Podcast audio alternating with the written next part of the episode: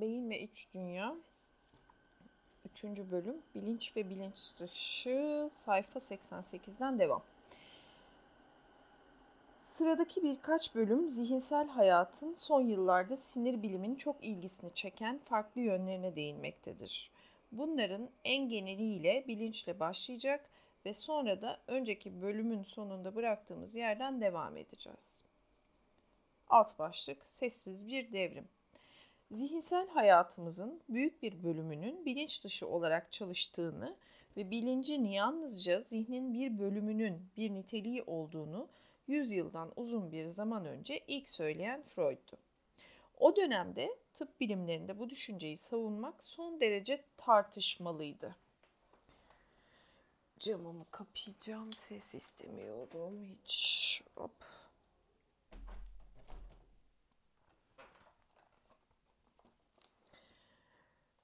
Freud'un o kadar zaman önce ileri sürdüklerinin birçoğu hala hararetle tartışılmaktadır. Bununla birlikte çoğu zihinsel işlevin bilinç dışı düzeyde gerçekleştiği anlayışı bugün bilişsel bilimde çok geniş ölçüde kabul edilmiştir. Böylece Freud'un en temel buluşlarından biri çağdaş bilimin ana akımına katılmıştır. Elbette modern sinir bilimciler Freud'un psikanalitik anlamda bilinç dışı hakkında söylediği her şeyi kabul etmiş değildir. Fakat bu başka bir meseledir. Buna daha sonra değineceğiz. Başlangıçta bilinçli ve bilinç dışı zihinsel etkinlikle ilgili beyin mekanizmalarına yaklaşımımızı bu terimlerin salt betimleyici anlamlarıyla sınırlayacağız. Artık birçok bilişsel bilimci bilincin zihinsel hayatta çok az önemi olduğunu ve zihinsel işlemlerimizin çok büyük bir kısmının bilinç olmaksızın yerine getirildiğini savunmaktadır. Bir değerlendirme için bakınız Bark ve Chartrand 1999 demiş parantez içinde. Devam. Ana akım bilim insanlarının psikanalize karşı genellikle hasmane bir tutumlarının olduğu düşünülürse fikirlerindeki bu değişimin nedenli çarpıcı bir gelişme olduğu daha iyi anlaşılır. Bunun çok sayıda nedeni vardır. Çeşitli alanlardan gelen kanıtlar sinir bilimcileri Freud'un bu konuda haklı olması gerektiğini inandırmıştır. En dramatik kanıtlar beyni hasar gören hastaların klinik olarak gözlemlenmesinden çıkmaktadır. Alt başlık kör görü. Kör görü terimi retinadan gelen sinir liflerinin çoğunun sonlandığı yer olan art kafa loblarındaki görme korteksi hasara uğrayan hastalar için kullanılır. Bu tür hastalar kortikal körlükten müstariptir. Korteksin görsel bilinci üreten kısmı artık çalışmadığı için kördürler. Dipnot var. Bu kitap boyunca kolaylık olsun diye korteksin görsel bilinci üreten kısmı gibi gevşek ibareler kullanacağız. Bu tür ifadelerle söylemek istediğimiz şudur. Beynin söz konusu kısmının etkinleşmesi ilgili bilinç türünün fizyolojik eş bağıntısı olan sinirsel etkinliği üretir beynin söz konusu kısmının etkinleşmesi ilgili bilinç türünün fizyolojik eş bağıntısı olan sinirsel etkinliği üretir. Peki. Bu durumda körlük gördüğünün farkında olmama halidir. Dolayısıyla eğer bir nesneyi bu hastaların gözlerinin önünde tutup onlara ne gördüklerini sorarsanız size şu bariz cevabı verirler. Hiçbir şey görmüyorum, körüm ben. Fakat bu şekilde yanıt verirken gerçekte yanılmaktadırlar görme ile bilinçli olarak görmeyi yanlış bir şekilde eşitlemektedirler. Görme ile bilinçli görme arasındaki ayrım aynı hastalardan çeşitli seçenekler arasında zorunlu bir tercih yapmalarını istediğinizde ortaya çıkar. Başka bir deyişle onları tahmin yapmaya teşvik ettiğinizde. Bu, ne, bu deneylerin sonuçları tesadüfün ötesinde bir düzeyde doğru tahminde bulunduklarını açığa çıkarır. Ki bu da bu hastaların fark etmeksizin görüyor olduklarını gösterir. Görsel bilgiyi işliyor olduklarını gösterir. Weisskranz 1986 yazmış parantez içinde. Bilinç dışı görüyorlardır. Böyle olmasının nedeni bazı görsel bilgilerin retinadan korteksin görsel bilinçlilik üretmeyen ama aldıkları görsel bilgiyi de işleyecek şekilde donanmış olan başka sağlam bölgelerine yansıtılmasıdır. Başka bir deyişle görsel bilgisi söz konusu olduğunda bu hastalar ikinci bölümde sözü edilen zombiler gibi davranırlar. beyinleri görsel hesaplar yapar fakat görme bilincine sahip değildirler.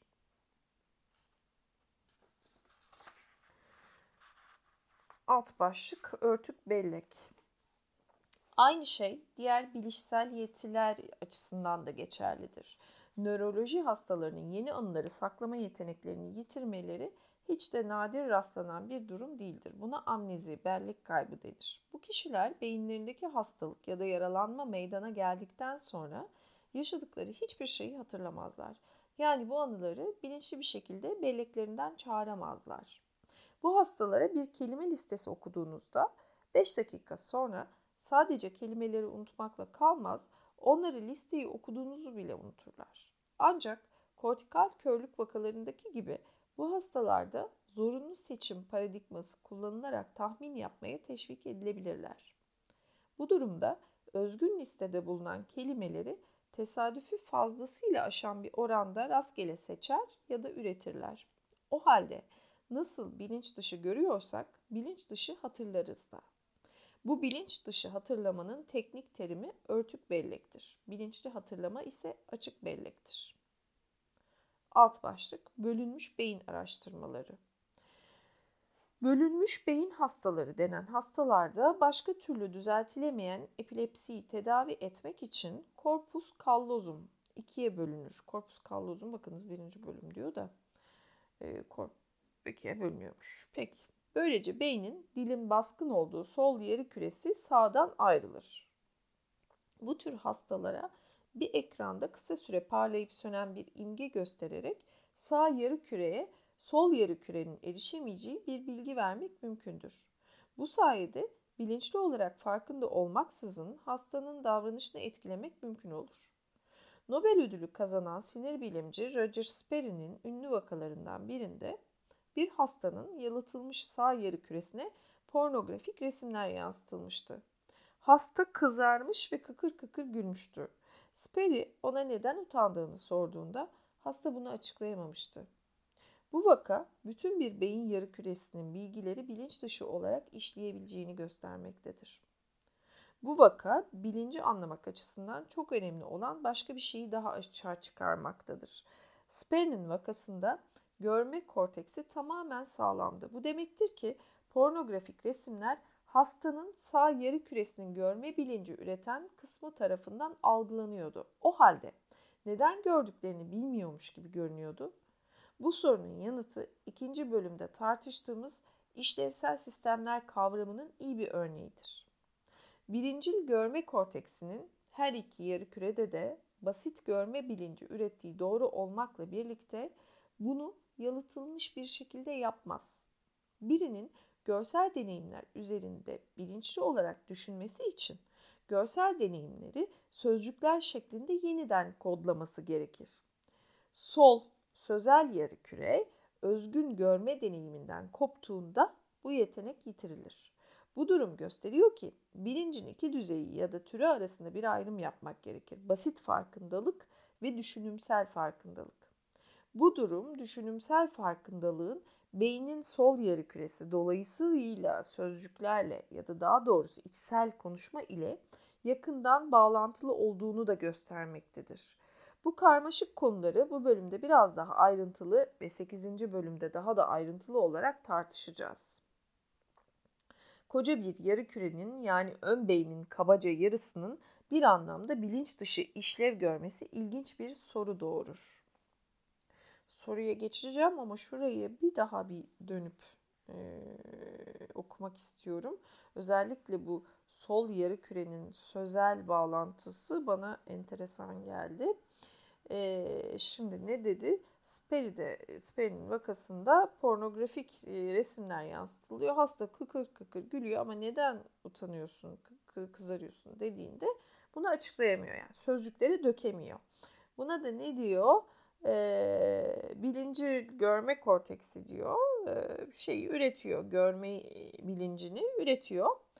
E, bilinçli olarak düşünmesi için görsel deneyimleri sözcükler şeklinde yeniden kodlaması gerekir. Yani bilinçli bir sözcüklerle kodlanması gerekir. Bilincin oluşması için diyor. Allah. Allah yani küre özgün görme deneyimden koptuğunda bu yeteneği yitirir diyor. Yani sözcüğe dökemiyor. Dolayısıyla bilince çıkamıyor, ifade edemiyor. Beyi bedeni refleksel olarak tepki verse de. Devam. Çok çok güzel anlattım kendi kendime ben şahsen ben anladım. Devam. Ha bir de içsel konuşma tarafı yani sol beyin, sözcükler ve içsel konuşma. Bu iç seslerin sol beyne bağlı olması da eğlenceli geldi bana. Enteresan geldi. Soruya geçiyoruz. İlginç bir soru doğurur dedi. Koca bir yarı kürenin yani ön beynin kabaca yarısının bir anlamda bilinç dışı işlev görmesi ilginç bir soru doğurur. Zihinsel hayatın ne kadarı bilinçlidir? Ne güzel bir soru. Haydi bakalım. Zihinsel hayatın ne kadarının bilinçli olduğu sorusunu ele almanın her biri biraz farklı yanıtlara sahip olan çeşitli yöntemleri vardır. Ama hepsinin gösterdiği şey bilincin zihnin çok sınırlı bir parçası olduğudur. Örneğin eğer bilincin kapsamı zamanın belli bir anında akılda tutabileceğimiz bilgi miktarıyla eşitlenirse o zaman okurlar bilincin sadece 7 birim bilgiyle sınırlı olduğunu öğrenince şaşırabilirler. Tekrar bilincin kapsamı zamanın belli bir anında akılda tutabileceğimiz bilgi miktarıyla eşitlenirse o zaman okurlar bilincin sadece 7 birim bilgiyle sınırlı olduğunu öğrenince şaşırabilirler. Çoğu telefon numarasının kabaca 7 rakam uzunluğunda olması rastlantı değildir. Rakam aralığı rastgele bir rakam dizisini tekrarlama kapasitesi çalışma belleği kapasitesinin bir yönüyle ilgili standart bir klinik testi, testtir çalışma belleği bir şeyleri bilinçli olarak akılda tutma yeteneğiyle eş anlamlıdır. Eğer hasta kabaca 7 rakamı aklında tutamıyorsa işitsel sözel çalışma belleğinin yani işitsel sözel bilincinin normal olmadığı düşünülür. Öyle görünüyor ki görsel uzamsal bilgileri ya da yer bilgisini de aynı şekilde akılda tutuyoruz. Fakat bilincin bu yönü çok daha kısıtlıdır. Çoğu kişi görsel uzamsal bilginin bir kere de ancak e, sayfa çevirdiğim için ancak olduğu ancak 4 birim kadar akılda tutabilir. Bu kapasite genellikle hastanın önünde dağınık halde duran bir dizi bloğa tek tek dokunularak ve ondan da dokunma sırasını aklında tutması istenerek sınanır. Her an binlerce bilgi parçasını işliyor olduğumuz düşünülürse bilincin kapasitesine yönelik bu tür ölçümler onun gerçekten de çok sınırlı olduğunu gösterir. Sürekli olarak işlenmesi gereken büyük bilgi yığını zihnin bilinç dışı kısmı tarafından işleniyor olmalıdır. Bilincin boyutunu tahmin etmenin bir başka yolu davranışlarımızı etkileme derecesini ölçmektir. Eylemlerimizin ne kadarlık bölümü bilinçli olarak belirlenmektedir.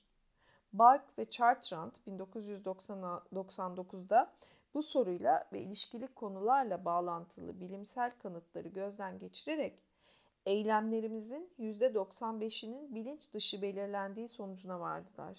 %95. Kendimizden haberimiz yok.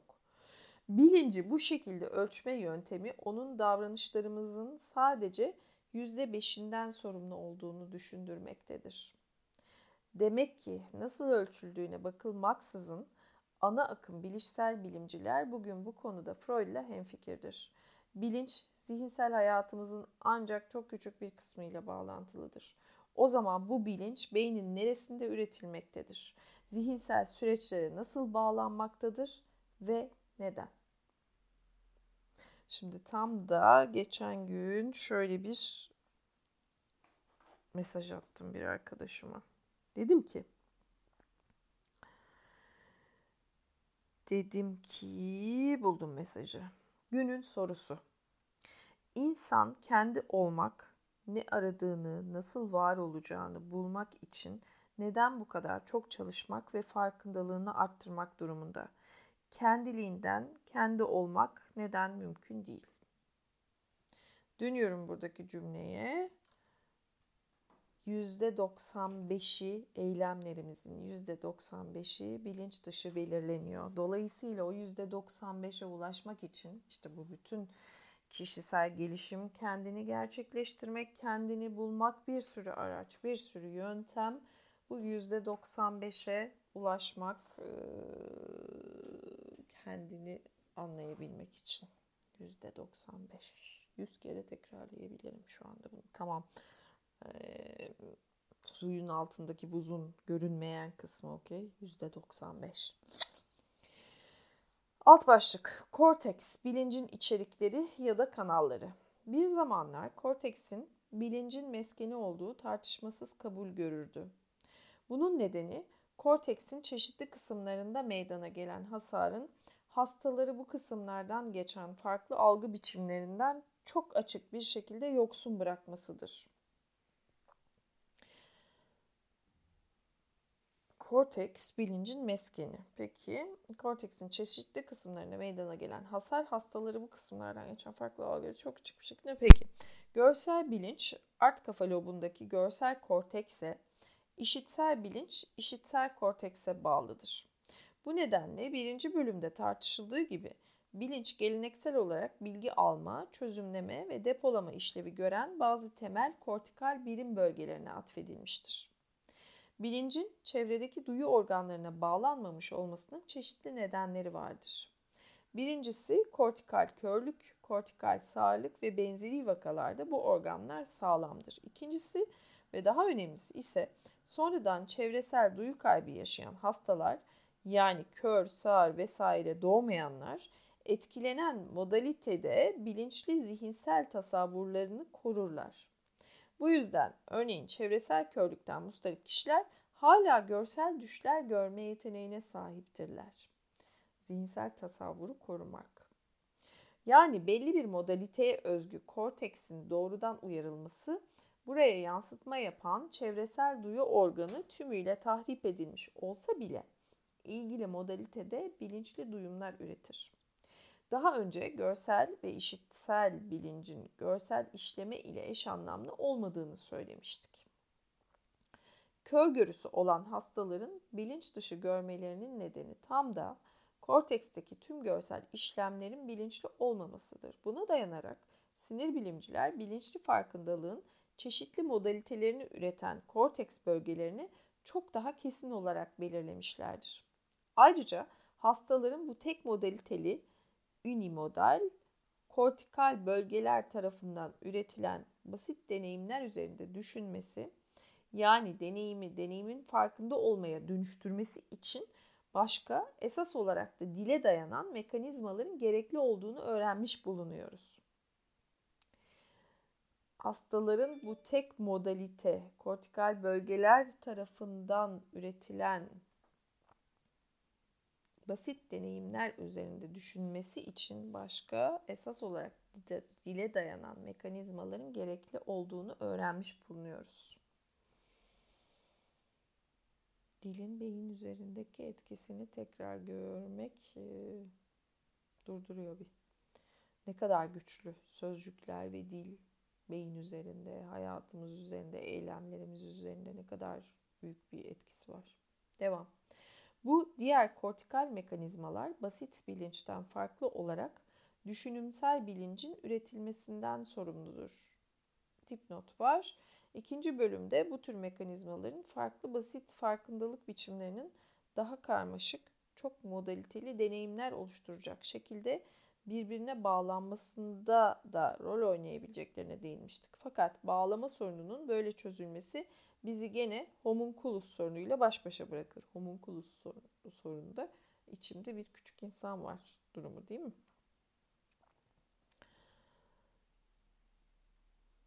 Bu arada çok çok bilgi bombardımanı gidiyor. Hmm, kesinlikle yüzde yüzünü anlayarak ilerlemiyorum. Ne kadar anlarsam, ne kadar bir şey kaparsam kardır noktasındayım. Çünkü aşıyor buradaki ifadeler, terimler ne kadar basit anlatmaya çalışırsa çalışsın bayağı kazık bir okuma. Devam. Dolayısıyla birinci bölümde tartışıldığı gibi bilinç etkinliğin programlanması, düzenlenmesi ve doğrulanması işlevi gören birimlerin önemli katkılarını da gerektirir. Bilincin beynin neresinde üretildiği sorunu böylece kolayca ve tamamen çözülüyor gibi görünmektedir. Fakat kolay sorun bile o kadar kolay değildir. Şimdiye değin özetlediğimiz sonuçların hepsi bilincin içeriklerini dışsal algılardan türeyen niteliklere ya da bu tür niteliklerin birleşimine ve muhtemelen bunlardan çıkan soyutlamalara indirgeyen bir araştırma geleneğinden gelmektedir. Burada muhtemelen niye dediğini bir dipnotta açıklıyor. Muhtemelen diyoruz çünkü soyut düşünmenin somut bir işitsel sözel ortamda meydana gelip gelmediği açık değildir. Bu konuyla ilgili bir tartışma için bakınız Bars ve McGovern 1999 demiş. Peki devam.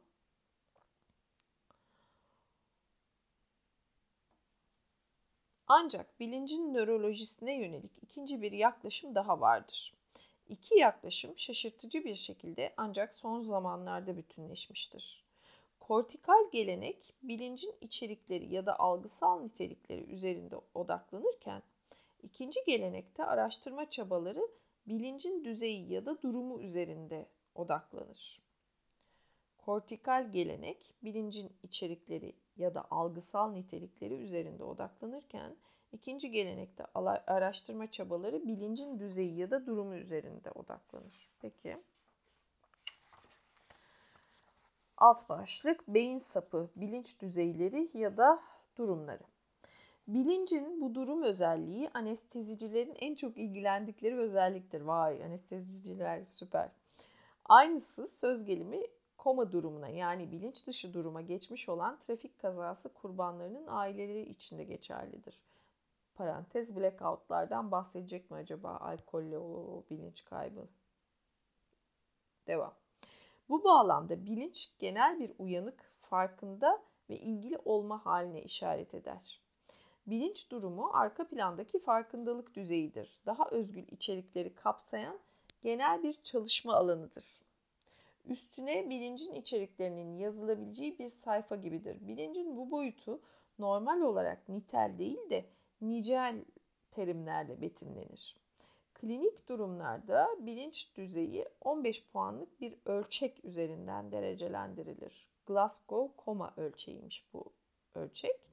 Trafik kazasının ve benzerlerinin ardından bilincin bu özelliğinin yitirilmesi önceki kısımda betimlenen tüm kortikal yapıları yaygın bir şekilde etkileyen geniş kapsamlı beyin hasarından kaynaklanmaz. Tersine beynin sadece çok özgül ve çok küçük bir bölgesi işin içindedir ve bu bölge hiçbir surette kortekste değildir. Bilinç dışı durumdan bahsediyor, komadan bahsediyor. Bunun 15 puanlık ölçeğinden Glasgow koma ölçeğiyle ölçüldüğünden bahsediyor. Trafik kazasının ardından bilincin bu özelliğinin yitirilmesi böyle geniş kapsam beyin hasarından kaynaklanmaz diyor. 15 puanlık ölçek. Bilinç düzeyi. Peki. Tersine çok özgül ve çok küçük bir bölgesi için içindedir ve bu bölgede kortekste değildir. Beyin sapındaki bazı yapıların genel bilinç durumunu üretmekte çok önemli olduğuna dair geniş kapsamlı kanıtlar vardır. Enteresan. Beynin çekirdeğine uzanan ponstan geçerek medulla oblongata'nın üstüne orta beyinden yukarıya talamusun bir parçasına yayılan bir grup yapıdan burada özellikle söz edilmektedir. Ne bu be? Yol tarifi gibi ileri git talamustan dön. Birbirlerine sıkı sıkıya bağlı olan bu çekirdeklerin ayrı ayrı yapıları olduğu başlangıçta fark edilmemiş ve bundan dolayı ağsı etkinleştirici sistem olarak adlandırılmışlardı. Ağsı ed, a, a, ağsı etkinleştirici sistem. Şahane. Devam. Bugün bu sistem içindeki klasik ağsı oluşumu da içine alan bir takım çekirdekleri ayırt edebiliyoruz. Ağsı etkinleştirici sistem 1950'lerde Giuseppe Moruzzi ve Horace Magun tarafından keşfedildi. Bugün bu sisteme yükselen etkinleştirici sistem veya genişletilmiş ağsı ve talamik etkinleştirici sistem Gates diyoruz. İyi halt ediyorsunuz. Canınızı okuyayım. Yani ben bunları nasıl anlayacağım acaba? Benim beynim bunlara yetmiyor şu anda. Devam. Beyin sapı kabaca insan baş parmağı büyüklüğünde söz konusu çekirdekler ise kabaca kibrit ucu büyüklüğündedir. Baş parmak büyüklüğünde beyin sapı peki çekirdekler kibrit ucu. İyi. Beynin bu kadar ufak bir bölgesindeki bir hasarın yani çekirdeklerdeki hasardan bahsediyoruz. Bilincin mutlak iptaline yol açması, derin komaya neden olması çarpıcı bir olgudur. Her şey çarpıcı zaten. Genel anestezi her şeyden çok bu küçük sistemin çıktılarını çeşitli yollarla düzenlemeye dayanır. Genel anestezi her şeyden çok bu küçük sistemin çıktılarını çeşitli yollarla düzenlemeye dayanır. Çok iyi. O halde bu küçük çekirdeklerin bilincin meskeni olduğunu pekala söyleyebiliriz. Bu görüşe göre bilinç özgül kortikal bölgelerle değil, daha çok özgül kortikal bölgelerin bu derin yapılar tarafından etkinleştirilmesiyle üretilir. Bu durumda bilinçli ve bilinç dışı bilgi işlemle ilgili karmaşıklıkların birçoğu dikkatin yani temel beyin etkinliğinin seçici bir şekilde söz konusu kortikal bölgelere yönlendirilmesi ve oralardan geri çekilmesi açısından açıklanabilir diyor. Ve şimdilik maalesef 25 dakika dayanabildim. Sayfa kaçtayım? 95. sayfadayım. Azıcık dayanabildim. Daha sonra devam edeceğim. Bir mola. Ve aradan günler geçti, bir cesaret geldi. Tekrar aldım önüme Beyin ve İç Dünya kitabını. 94. sayfadan devam. Hadi bakalım. Ee, becerebilecek miyim bilmiyorum. En son kopmuştum çünkü. Beyin sapı, bilinç düzeyleri ya da durumları. Bölümün adı. Bilincin bu durum özelliği anestezicilerin en çok ilgilendikleri özelliktir. Aynısı söz gelimi koma durumuna yani bilinç dışı duruma geçmiş olan trafik kazası kurbanlarının aileleri için de geçerlidir. Bu bağlamda bilinç genel bir uyanık, farkında ve ilgili olma haline işaret eder. Bilinç durumu arka plandaki farkındalık düzeyidir. Daha özgül içerikleri kapsayan genel bir çalışma alanıdır. Newman ve Bars 1993 Üstüne bilincin içeriklerinin yazılabileceği bir sayfa gibidir. Bilincin bu boyutu normal olarak nitel değil de nicel terimlerle betimlenir. Klinik durumlarda, bunu muhtemelen okudum bu arada hatırlıyorum bu bölümü. Ne yapalım? Çift dikiş gidiyorum anca. Klinik durumlarda bilinç düzeyi 15 puanlık bir ölçek Glasgow Coma ölçeği üzerinden derecelendirilir. Trafik kazasının ve benzerlerinin ardından bilincin bu özelliğinin yitirilmesi önceki kısımda betimlenen tüm kortikal yapıları yaygın bir şekilde etkileyen geniş kapsamlı beyin hasarından kaynaklanmaz. Tersine beynin sadece çok özgül ve çok küçük bir bölgesi işin içindedir ve bu bölge hiçbir surette kortekste değildir. Beyin sapındaki bazı yapıların genel bilinç durumunu üretmekte çok önemli olduğuna dair geniş kapsamlı kanıtlar vardır. Beynin çekirdeğine uzanan ponstan geçerek medulla oblongata'nın üstüne orta beyinden yukarıya talamusun bir parçasına yayılan bir grup yapıdan burada özellikle söz edilmektedir. Birbirlerine sıkı sıkıya bağlı olan bu çekirdeklerin ayrı ayrı yapılar olduğu başlangıçta fark edilmemiş ve bundan dolayı ağsı etkinleştirici sistem olarak adlandırılmışlardı. Hatırlıyorum buralarda koptum. Tam buralarda beni kaybettin. Bugün bu sistem içindeki klasik ağsı oluşumu da içine alan bir takım çekirdekleri ayırt edebiliyoruz. Ağsı etkinleştirici sistem 1950'lerde Giuseppe Moruzzi ve Horace Magun tarafından keşfedildi. Bugün bu sisteme yükselen etkinleştirici sistem veya genişletilmiş ağsı ve talamik etkinleştirici sistem diyoruz. Ne kadar güzel diyorsunuz. Gates yazmış parantez içinde de bunu anlamadıysan diyor Gates diyoruz. Peki beyin sapı kabaca insan baş parmağı büyüklüğünde söz konusu çekirdekler ise kabaca kibrit ucu büyüklüğündedir. Beynin bu kadar ufak bir bölgesindeki bir hasarın bilincin mutlak iptaline yol açması, derin komaya neden olması çarpıcı bir olgudur. Genel anestezi her şeyden çok bu küçük sistemin çıktılarını çeşitli yollarla düzenlemeye dayanır. O halde bu küçük çekirdeklerin bilincin meskeni olduğunu pekala söyleyebiliriz. Bu görüşe göre bilinç özgül kortikal bölgelerle değil, daha çok özgül kortikal bölgelerin bu derin yapılar tarafından etkinleştirilmesiyle üretilir.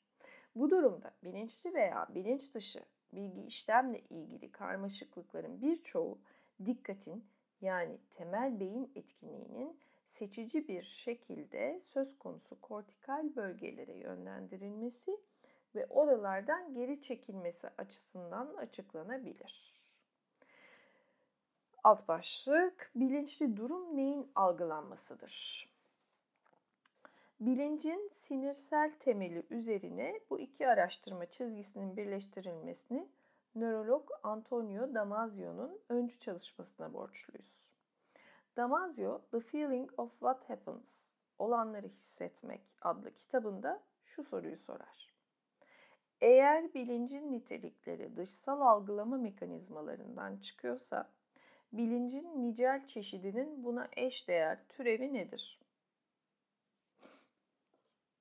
Bir kahve içeyim ben. Evet. Eğer bilincin nitelikleri dışsal algılama mekanizmalarından çıkıyorsa, bilincin nicel çeşidinin buna eş değer türevi nedir? Cevap veriyorum. 15 puanlık Glasgow kom ölçeği. Nasıl totomdan uydum? Devam. Şımarmayacağım yani. Benim kayboluyor. Bilincin içeriğinin dış dünyadaki değişimlere duyarlı kortikal dokuların etkinleşme örüntülerini temsil ettiğini biliyoruz. Peki derindeki beyin sapı tarafından üretilen bilinç düzeyi ya da durumu bir şeyi temsil eder mi ya da bir anlamı var mıdır? Gates bazı talamik çekirdekleri hipotalamusun bazı kısımlarını, ventral tegmental alanı, parabrakial çekirdekleri, pariakuaduktal gri maddeyi, locus ceruleus çekirdeğini, rafe çekirdeklerini ve asıl ası oluşumu içerir. Kesin bırakayım istiyor bu kitap. Beni bırak diyor. Bırak yani. Devam. Bu yapıların çoğundan birinci bölümde söz edilmişti. Tabii, tabii özür dilerim ben bilemedim orayı. Orada bunlar kortikal tonus ve uyanıklık haline yönelik işlevsel birimin temel bileşenleri olarak betimlenmişti. Peki. Birinci bölümde bu çekirdeklerin ön beyne yaygın bir şekilde yansıyan sinirsel ileti sistemlerinin kaynak hücrelerini içerdiklerinden ve sadece anestezicilerin değil, psikiyatristlerin de çok ilgisini çektiklerinden bahsetmiştik. Psikiyatristlerin her biri farklı işlevler kümesine sahip olan bu çekirdeklerle bu denli çok ilgilenmelerinin nedeni sonraki birkaç sayfada netleştirilmekte ve duygu ile güdülenimi tartıştığımız dördüncü bölümde daha da ayrıntılandırılmaktadır. Bu hücreler tarafından salınan ana sinirsel ileticilerden bir bölümü dopamin, serotonin, norepinefrin, histamin ve asetilkolindir. Alt başlık devam. İki bilgi kaynağının tekrarı. Damasyon'un beyin sapının bu duruma bağlı hücrelerinin kaynak gerisine yönelik arayışı onu daha önce zihin bilimi açısından pek ilgi çekmeyen geniş bir bilgi alanına götürdü. Yukarıda sıralanan derin beyin çekirdeklerinin hepsi merkezi olarak iç organlarla ilgili durumlarımızın düzenlenmesi ve ayarlanmasında rol alır. Yukarıda sıralanan derin beyin çekirdeklerinin hepsi merkezi olarak iç organlarla ilgili durumlarımızın düzenlenmesi ve ayarlanmasında rol alır. Beden ısısının ayarlanması, glukoz, kan şekeri metabolizması ve benzeri. Bunların kaynak girdileri sadece klasik sinirsel iletim sistemi yoluyla değil, kan akımından ve beyin omurilik sıvısı dolaşımından geçerek gelen hormonlar yoluyla da doğrudan taşınan içerideki ortam hakkındaki bilgilerdir. Damasio buna dayanarak şu basit sonuca ulaştı. Bilincin içeriği dış dünyayı izleyen arka kortikal kanallara bağlı olsa da bilinç durumu bedenin iç ortamını izleyen beyin sapının etkinleştirici sisteminin ürünüdür. Hmm. Yani bilincin içeriği arka kortikal kanallara bağlı ama bilincin durumu beyin sapının etkinleştirici sisteminin ürünüdür diyor. Bu yüzden bilincin içerikleri kişinin dışsal algı modalitelerinden kaynaklanan kortikal bölgelerdeki değişmeleri temsil ederken, bilincin durumu kişinin bedeninin içsel halindeki değişmeleri temsil eder. Hı hı. Bu yüzden bilincin içerikleri kişinin dışsal algı modalitelerinden kaynaklanan kortikal bölgelerdeki değişmeleri temsil ederken dışsal algı diyor. Bilincin durumu kişinin bedeninin içsel halindeki değişmeleri temsil eder. Okey. Ayrıca nasıl ki arka korteksin bağlantı bölgeleri dışarıdan algılanan bilgileri sadece alıp çözümlemekle kalmıyor, aynı zamanda depoluyorsa derindeki bu içe dönük ağlar da iç organlarımızın işlevleriyle ilgili temsili haritalar barındırır. Bundan dolayı nasıl ki bilincin içerikleri sadece dış dünyadaki somut değişiklikleri değil, düşünce aktivitesini de yansıtıyorsa içsel olarak üretilen imgeleri, bilinç durumundaki dalgalanmalar da sadece iç organlardaki fiili olaylara değil, örneğin bedenin iç ısısının düşmesi ya da kan şekerinin yükselmesi gibi sadece bu fiili olaylara değil, bu işlevleri temsil eden ağlardaki değişikliklere de bu değişikliklerin kaynağı ne olursa olsun duyarlıdır. Bilinç durumu sanal bir beden tarafından üretilir. Dahası birinci bölümde işaret ettiğimiz gibi bu yapıların sadece dış ve iç dünyalardan gelen bilgileri algılamadıklarını, aynı zamanda bu bilgileri etkileyip kaynaklarını değiştirebildiklerini unutmamak gerekir. Bu nedenle arka plandaki bilinç durumunun bir anlamı vardır ya da bir şeyi temsil eder. Sizi yani benliğinizin en temel cisimleşmesini temsil eder. Dahası benliğinizin şu anki durumunu temsil eder. Bu benim, ben bu bedenim ve tam şu anda böyle hissediyorum. Bırakın niteliksiz olmasını, arka plandaki bilinç durumu bu yüzden anlamla ve hisle doludur. Aslında tam da kişisel anlamın ve hislerin temelidir. Dolayısıyla bilincin bu boyutu sadece benliğinizi temsil etmekle kalmaz, size nasıl olduğunuzu da söyler.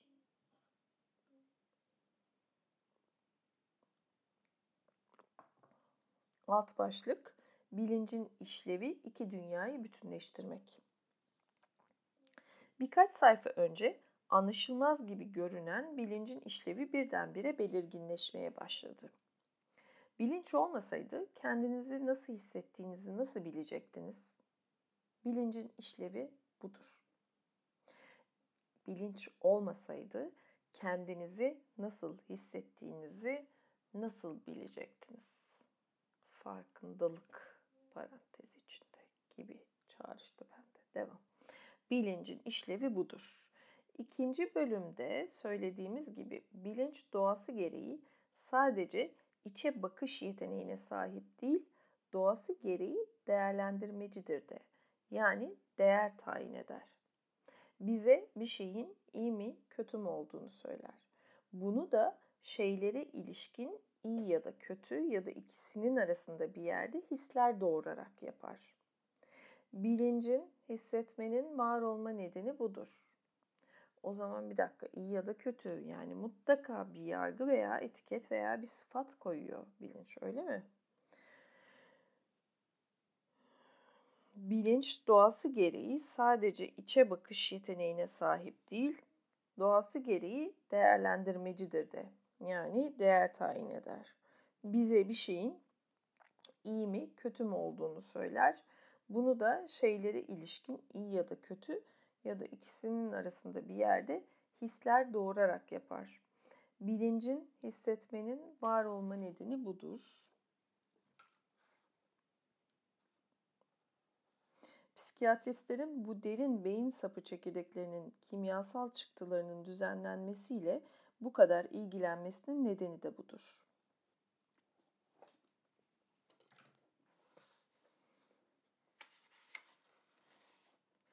Bilinç durumumuzun değerlendirmeci işlevinin kökleri çekirdek beynin iç organlarla ilgili izleme yapılarındadır. Bilincin bu işlevi bu nedenle doğası gereği biyolojiktir.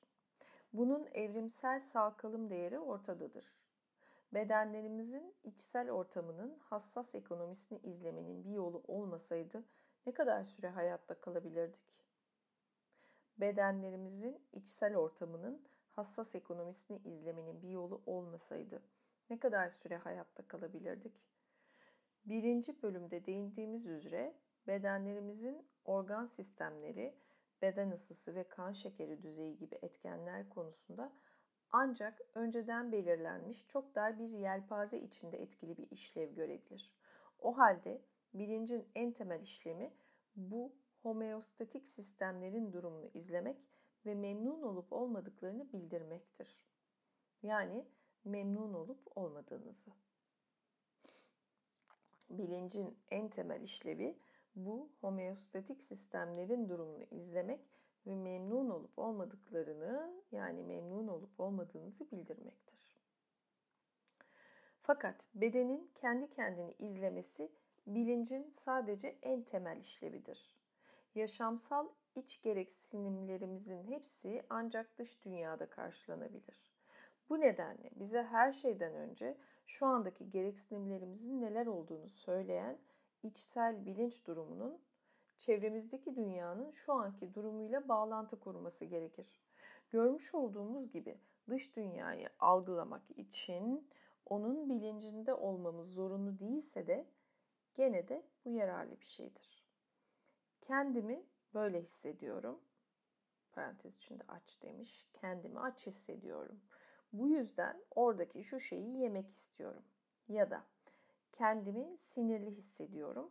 Çünkü oradaki şu şey beni rahatsız ediyor gibi şeyler söyleyebilmek işe yarar. Böylece bilinç yani değer nesnelere tayin edilir ve nesneler iyi ya da kötü olarak bilinmeye başlar. Bilinç yalnızca ne hissettiğiniz değildir. Bir şey hakkında ne hissettiğinizdir de. O halde evrimsel bilinç şafağı somutlaşmış biyolojik anlamıyla salt içe bakışla ilgili idiyse bile muhtemelen hızla genelleşmiştir ve dışsal algı modalitelerimizde hislerden, bilinçten payını almıştır. Böylece dışsal algımız bir takım bilinç dışı bilgi işlem kanalları olmaktan çıkıp bugün deneyimleyebildiğimiz bilinçli görüntüler, sesler, kokular ve benzeri algısal niteliklerin zengin dokusunun üreticisine dönüşmüştür. Tekrar böylece dışsal algımız bir takım bilgi işlem kanalları olmaktan çıkıp bugün deneyimleyebildiğimiz algısal niteliklerin zengin dokusunun üreticisine dönüşmüştür. Bu durum söz konusu derin beyin çekirdeklerinin çıktılarının ön beyne yaygın bir şekilde dağıldığı yolundaki anatomik olguyla ve yüksek kortikal süreçlerin bilinçli duruma gelmesinden önce böyle aşağıdan yukarıya doğru bir etkinleşmenin zorunlu olduğu yolundaki fizyolojik olguyla da uyumludur. Damasio bu nedenle bilincin sadece içsel durumlarımızın farkında olmaktan daha fazlası olduğu sonucuna varmıştı. Bilinç daha çok nesne dünyasının mevcut durumuyla benliğin mevcut durumunun dalgalanan eşleşmelerinden oluşur. Her bilinç birimi benlik ile nesne arasında bir bağlantı kurar. Bu anlık bilinçli zaman birimleri muhtemelen ikinci bölümde sözü edilen ritmik salınımlar, görsel farkındalığı niteleyen 40 Hz'lik salınımlar tarafından üretilmektedir. Bu salınımlar korteksin etkinleşme atımları tarafından üretilir. Derin ağsı talemik çekirdeklerden çıkarak yayılır ve böylece saniyede birçok kez iki bilinç çeşidini ya da kaynağını birbiriyle eşleştirir. Damasio'nun kitabına adını veren olanları hissetmenin oluşma biçimi böyledir. O halde bilinç çevremizde olup bitenlere yansıtılan hislerden değerlendirmelerden oluşur. Ya da başka bir şekilde söylersek bilinç arka plandaki öz farkındalık ortamına dayanarak çevremizde olup bitenlerin farkına varmaktan ibarettir. Bilincin bu açıklamasının hem bağlama sorununu hem de homunkular sorununu çözdüğüne özellikle dikkat edin.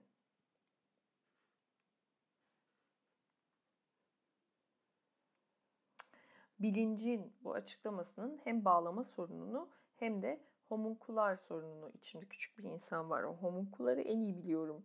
Çözdüğüne özellikle dikkat edin. Çeşitli bilinç kanalları temeldeki bilinç durumu ki homunkulusun ta kendisidir bu tarafından birbirine bir dakika. Çeşitli bilinç kanalları temeldeki bilinç durumu tarafından birbirine bağlanır.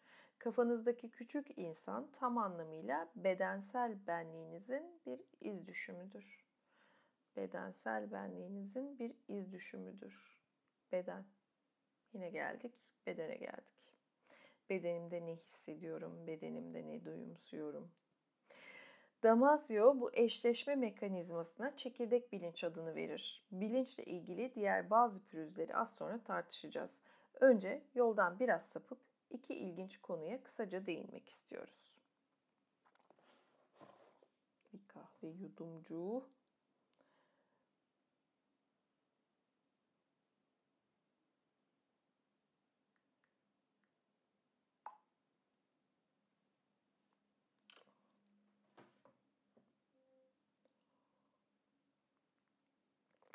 Damasio ve Freud. Yeni alt başlık. Freud. Önceki bölümde Freud'un bilincin iki algısal yüzeyi ile ilgili yorumunun kısa bir özeti verilmişti.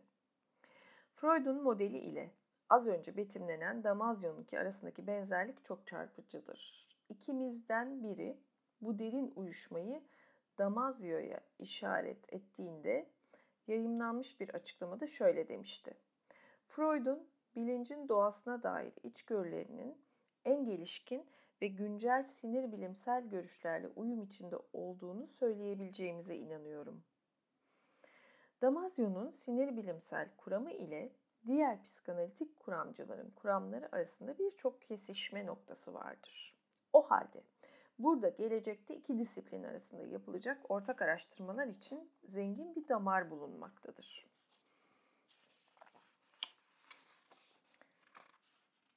Aa bu kadarmış.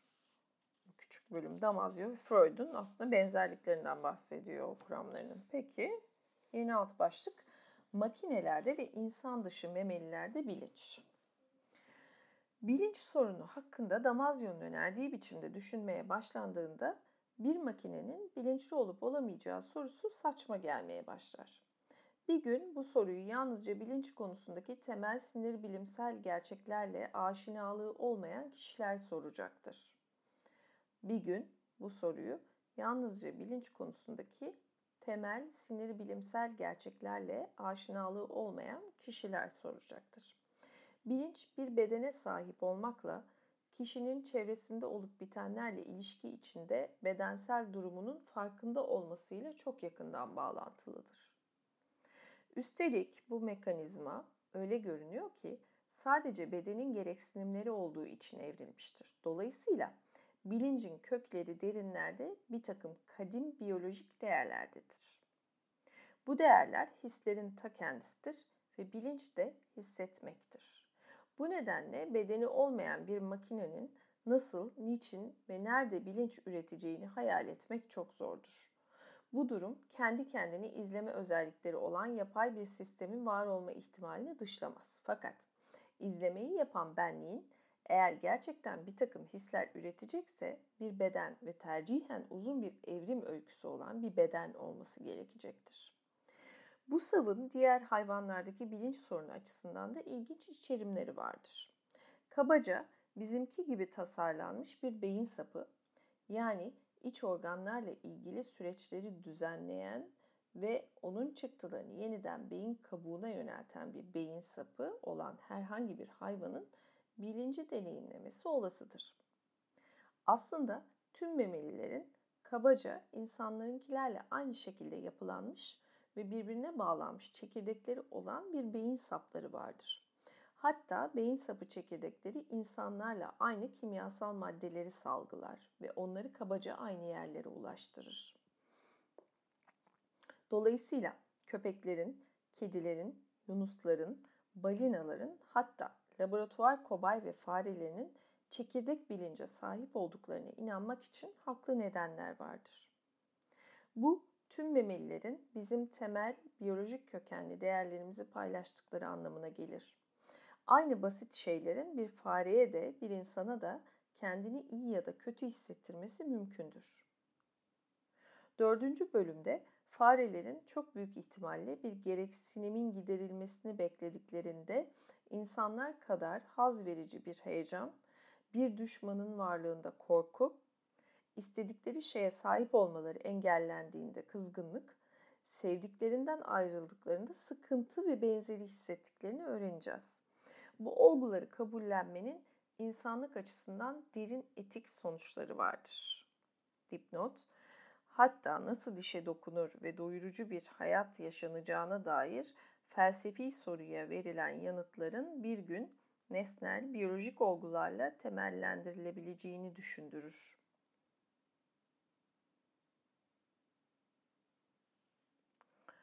Ancak diğer memelilerle paylaşmadığımız sinirsel yapılar gerektiren yüksek bilinç düzeyleri de vardır. Sonuç olarak onların bilinçlerinin bilişsel yönlerinin doğası muhtemelen bizim deneyimlerimizden çok önemli ölçüde farklıdır. Yeni alt başlık genişletilmiş bilinç. Damasio, bilincin bu yüksek bilişsel yönlerini genişletilmiş bilinç başlığı altında sınıflandırır. Aşağı yukarı her bilinç kuramcısı bilinci bir şekilde bu çizgilere uygun olarak ayırır. Damasio'nun çekirdek bilinç dediği şey, kabaca diğer kuramcıların yalın ya da ilksel bilinç dedikleri şeyin eşdeğeridir. Damasio'nun genişletilmiş bilinç dediği şey ise genellikle düşünümsel ya da ikincil bilinç denen şeye benzer ki bu terimlerin hepsi bilincin bilincine işaret eder. Yunus, bilincin bilinci yani. Yani yalnızca şu anda ne hissettiğinizin farkında olmayı değil, bunu şu anda hissettiğinizin farkında olmayı da anlatırlar. Bilincin bilinci tabii. Farkında olduğunun farkında olmak çok iyi.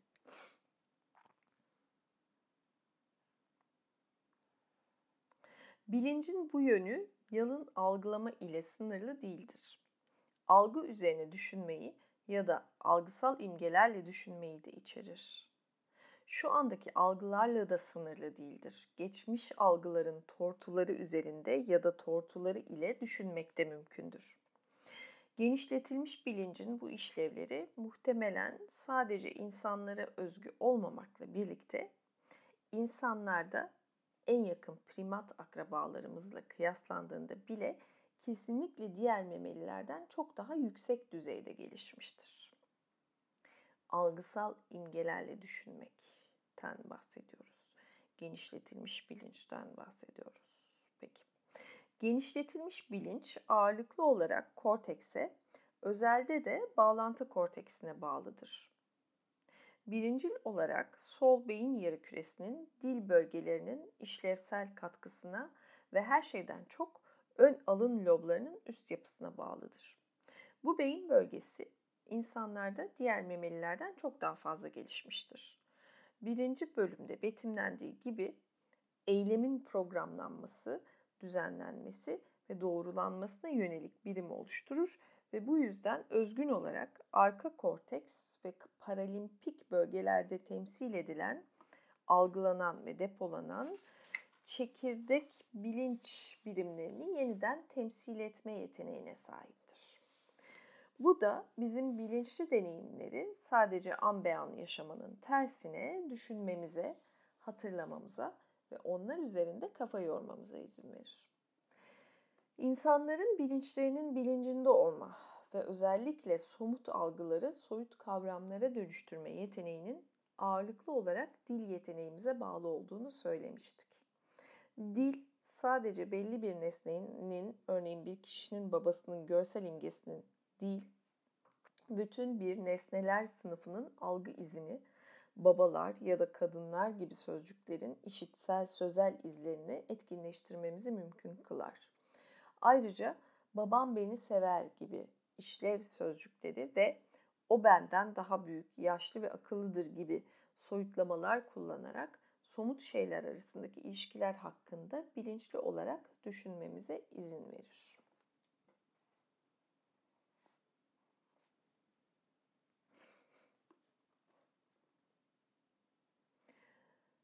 Yeni alt başlık genişletilmiş bilinç ve bellek.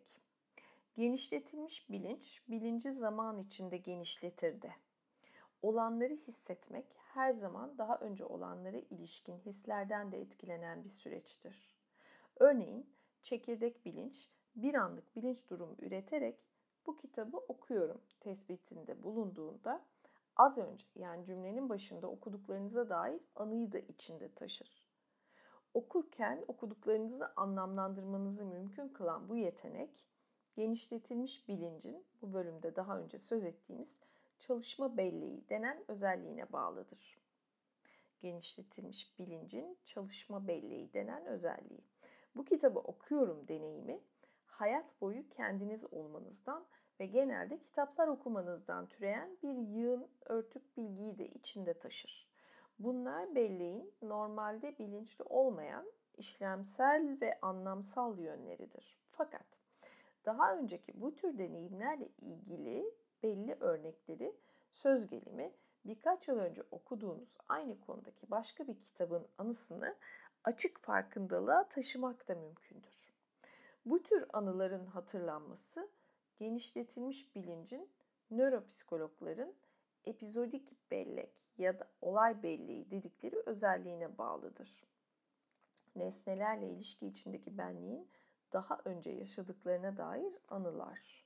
Epizodik bellek ya da olay belleği. Bu bölümde daha önce tartıştığımız amnezi tipine neden olan hipokampus zedelenmelerinde bu bellek türü yitirilir.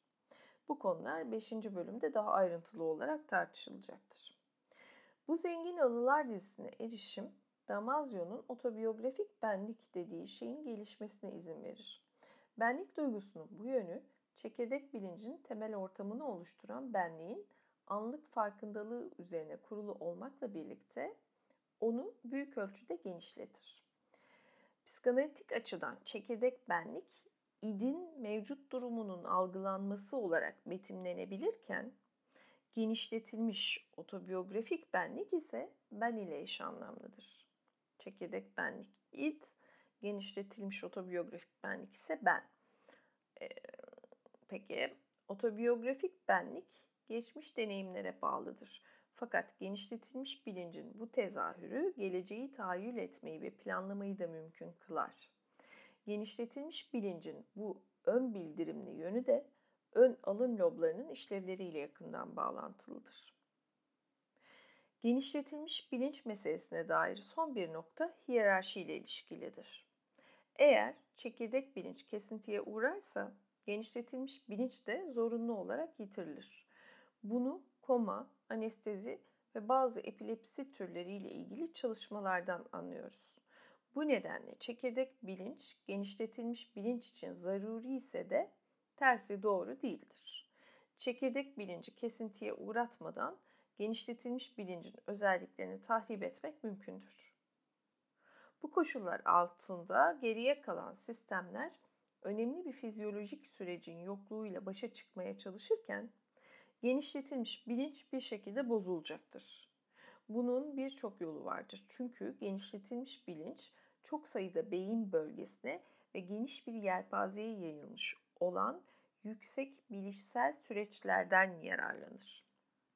Çekirdek bilincin bu yüksek bölgelere odaklanan hasarlarda sağlam kalması onun bilincin asli temeli olma statüsünü pekiştirir.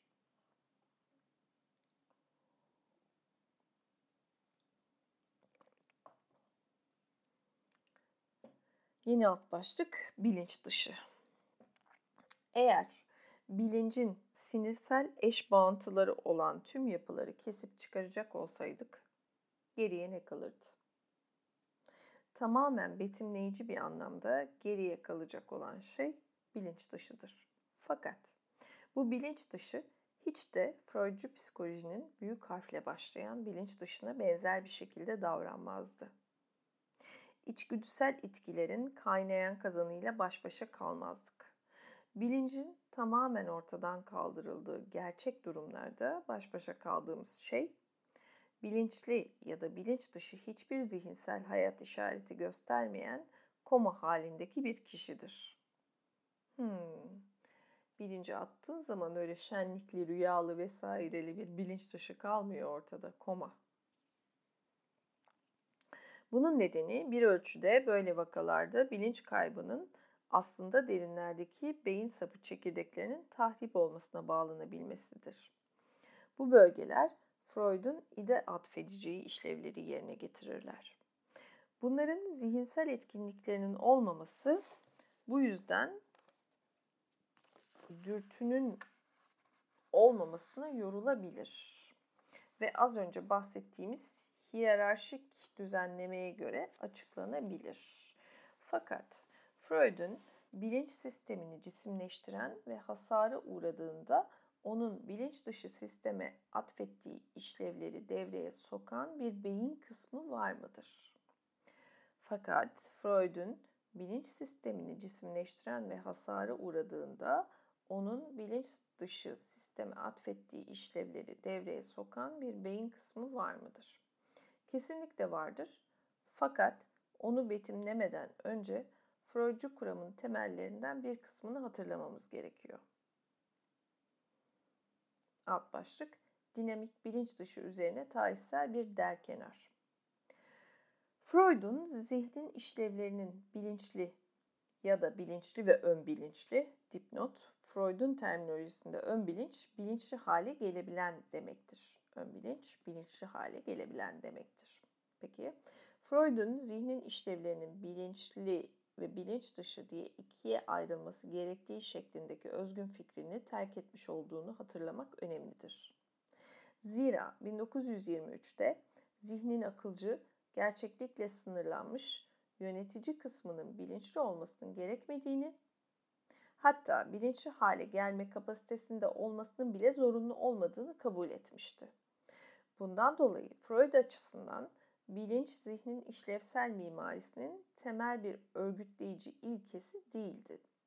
Buna uygun olarak da 1923'ten itibaren Freud zihin haritasını yeniden çizdi ve daha önce bilinç, ön bilinç sistemine atfedilen işlevsel özellikleri bene bağladı. Benin etkinliklerinin yalnızca küçük bir bölümü bilinçliydi ya da bilinçli hale gelme kapasitesine sahipti. Ben esas olarak bilinçsizdi. Onun asıl niteliği bilince yönelik yeteneği değil, ketlemeye yönelik yeteneğiydi. Freud bu yeteneği, dürtü enerjilerini ketleme yeteneğini benin tüm akılcı gerçeklikle sınırlanmış ve yönetici işlevlerinin temeli olarak görüyordu. Ben ketliyor. Yani güdüsel, dürtüsel olanı ketliyor güdüsel dürtüsel olan zaten id koyduk kenara. Bu ketleyici yetenek Freud'un birinci süreci niteleyen kısıtsız zihinsel etkinliğin karşısına koyarak ikinci süreç adını verdiği şeyin temeliydi. Bu ketleyici yetenek Freud'un birinci süreci niteleyen kısıtsız zihinsel etkinliğin karşısına koyarak ikinci süreç adını verdiği şeyin temeliydi.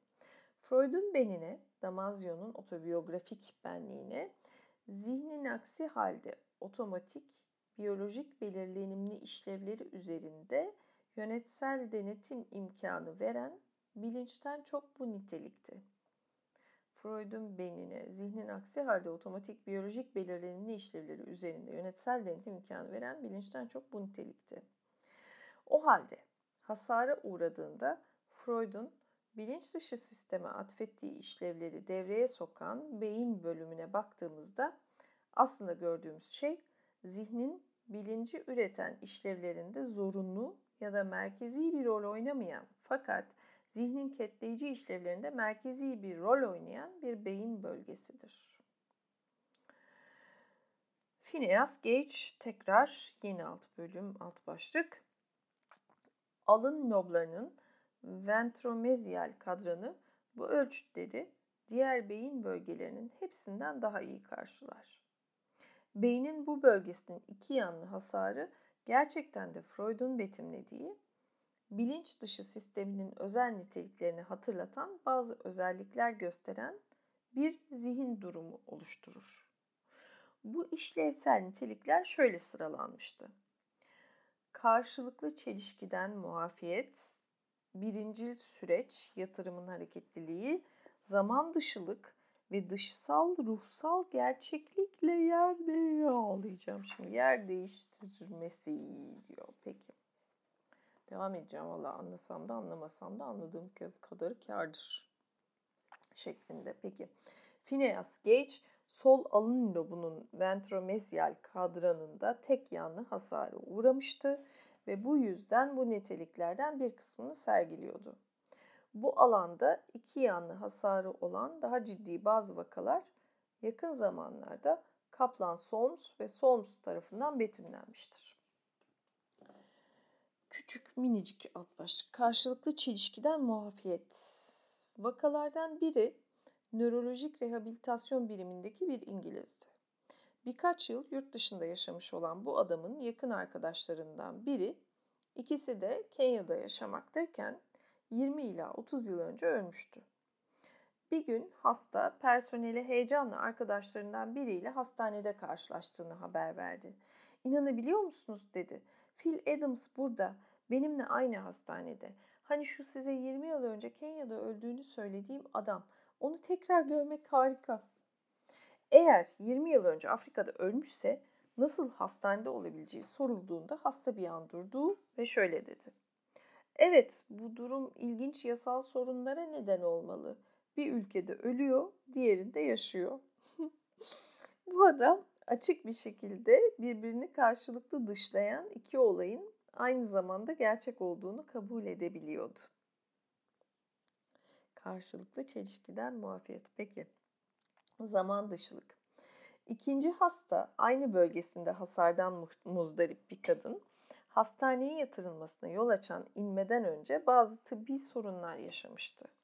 Biri bacakta derin ven trombozu, diğeri histerektomiydi. Bu kadın için o sırada hastaneye yatışı diğerleriyle bir ve aynıydı. Histerektomi amacıyla nörolojik koğuşundaymış gibi konuşuyor fakat neredeyse bir sonraki cümlesinde yatışının derin ven trombozuna bağlı olduğunu sonra tekrar bir inme nedeniyle yattığını söylüyordu. Hatta daha önce yattığı tüm yerlerde aynı zamanda bulunduğunu düşünüyor gibiydi. Öyle ki aynı zamanda hem King's College Hastanesi'nde hem Royal Free Hastanesi'nde hem de Londra Kraliyet Hastanesi'ndeydi. Zamansal olarak farklı bir dizi olay tek bir deneyimin içinde kaynaşmış hale gelmişti. Farklı türden bir zaman dışılık yukarıda sözü edilen arkadaşı ölmüş beyefendi tarafından da sergilenmişti. Eşi onu hep ziyaret saati olan akşam 5'te görmeye gelirdi. Bu nedenle hasta sürekli olarak kahvaltıdan hemen sonra ya da öğle yemeğinden önce bile saatin akşam 5 olduğu kanısındaydı. Hatasının bir ekip üyesi tarafından sayısız kereler düzeltildiği bir kahvaltının ardından duvarda üzerine çapraz bir çizgi çekilmiş kırmızı bir halka bulunan sigara içilmez işaretini gördü ve onu saat sanıp cevabı yapıştırdı. Bak saat 5. Alt başlık yine dış gerçekliğin ruhsal gerçeklikle yer değiştirmesi. Az önce sunulanlara benzer vakalarda dürtülerin iç dünyasının talepleri dış gerçekliğin sınırlarından önce gelir ve içsel istekler dış algıları yerinden eder. Bu tür yanılgıların bir örneği hastanın arzularına uygun olduğu için sigara içilmez işaretinin akşam 5'i gösteren bir saate dönüştüğü vakadır. Onun iç gerçekliği normalde izin vermediğimiz bir şekilde dış algıları üzerinde egemenlik kazanmıştır.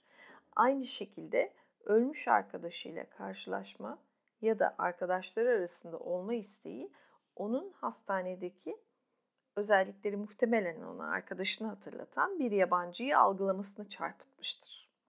Arkadaşının öldüğünü hatırladığında bile dış kanıtlar onun bu isteği uğruna bir kenara koyulabilmiştir.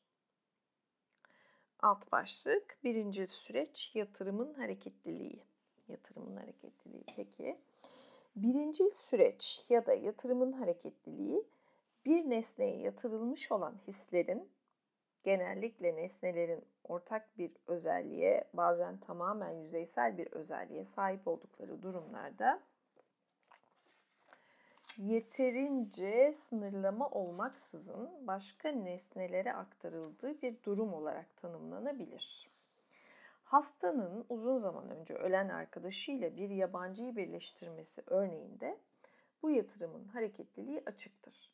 Başka bir hasta belki daha iyi bir örnek olabilir. Bu hasta hastanede kendisini ziyaret eden kocasını gayet net bir şekilde tanıyor ve buna uygun davranıyordu. Ancak kocası hastanede olmadığında yanındaki yataktaki adamdan sürekli kocası gibi bahsediyor ve ona da bu doğrultuda davranıyordu. Bir kez daha bu tür birleşmelerin istekleri tatmin etmeye yönelik özellikleri açıkça görülmektedir. Kadın kocasının orada olmasını istiyordu.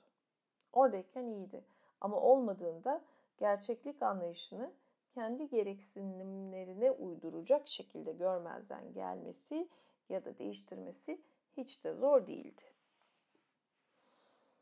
Son alt başlık son yorumlar. Çok şükür bu bölümü de atlattık. Devam. Bu klinik fenomenler zihin ve çalışma tarzı konusunda önemli bir takım olgular ortaya koyar. Fakat her şeyden önemlisi bazı geleneksel psikanalitik kavramların nörolojik eş bağıntılarını bulmanın ve onları sağlam, organik bir temele oturtmanın mümkün olduğu ilkesini kanıtlarlar. Yukarıdaki vakalar beynin içgüdüleri ketleme yeteneğinin akılcı, gerçeklik yönelimli davranışların asıl temeli olan bu yeteneğin bir şekilde ventromezyal alın loblarının işlevleriyle yakından bağlantılı olduğunu göstermektedir. İzleyen bölümlerde tekrar tekrar bu vakalardan kaynaklanan meselelerin ayrıntılarını takip ederek zihnin işlevsel örgütlenmesi konusunda neler ortaya çıkardıklarını daha da netleştireceğiz. Şimdilik bilincin ve bilinç dışının nörolojik eş bağıntıları ile ilgili kabaca bir ilk harita çizdiğimize göre gelecek bölümde modern sinir bilimin dürtüler konusunda neleri açığa çıkardığını daha ayrıntılı değerlendirecek konumdayız. Bence ben de o konumdayım.